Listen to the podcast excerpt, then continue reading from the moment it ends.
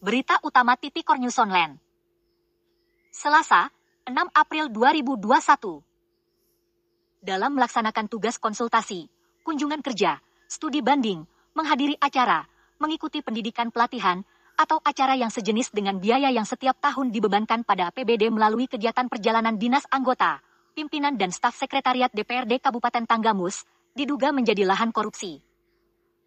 Untuk itu, peran aparat pengawas internal pemerintah serta pihak hukum setempat sangat diperlukan untuk mencegah adanya pemborosan anggaran. Terlebih, ada kegiatan perjalanan dinas yang patut dicurigai fiktif. Menurut sumber, pengelolaan anggaran di Sekretariat DPRD Tanggamus hingga saat ini belum efektif dan efisien.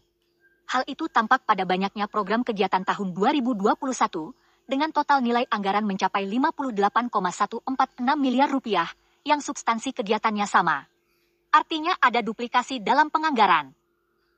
Dari sejumlah paket PBJ DPRD Tanggamus di atas tersebut, pihaknya meyakini bahwa adanya intrik oknum pejabat DPRD Tanggamus untuk menyiasati perjalanan fiktif. Menurutnya, perjalanan dinas fiktif ini sudah jadi rahasia umum dalam mengakali anggaran daerah, ujar sumber kepada TV News Online, Senin, 5 April 2021.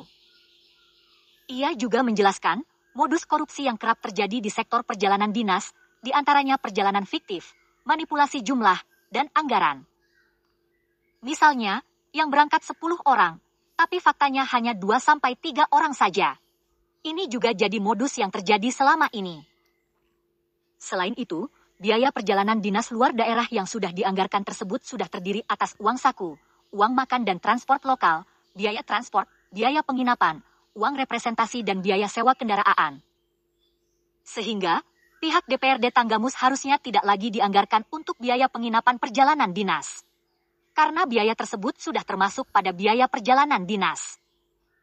Bagaimana tanggapan Sekwan Tanggamus Herli Rahman selaku pengguna anggaran? Berita selengkapnya tunggu edisi mendatang.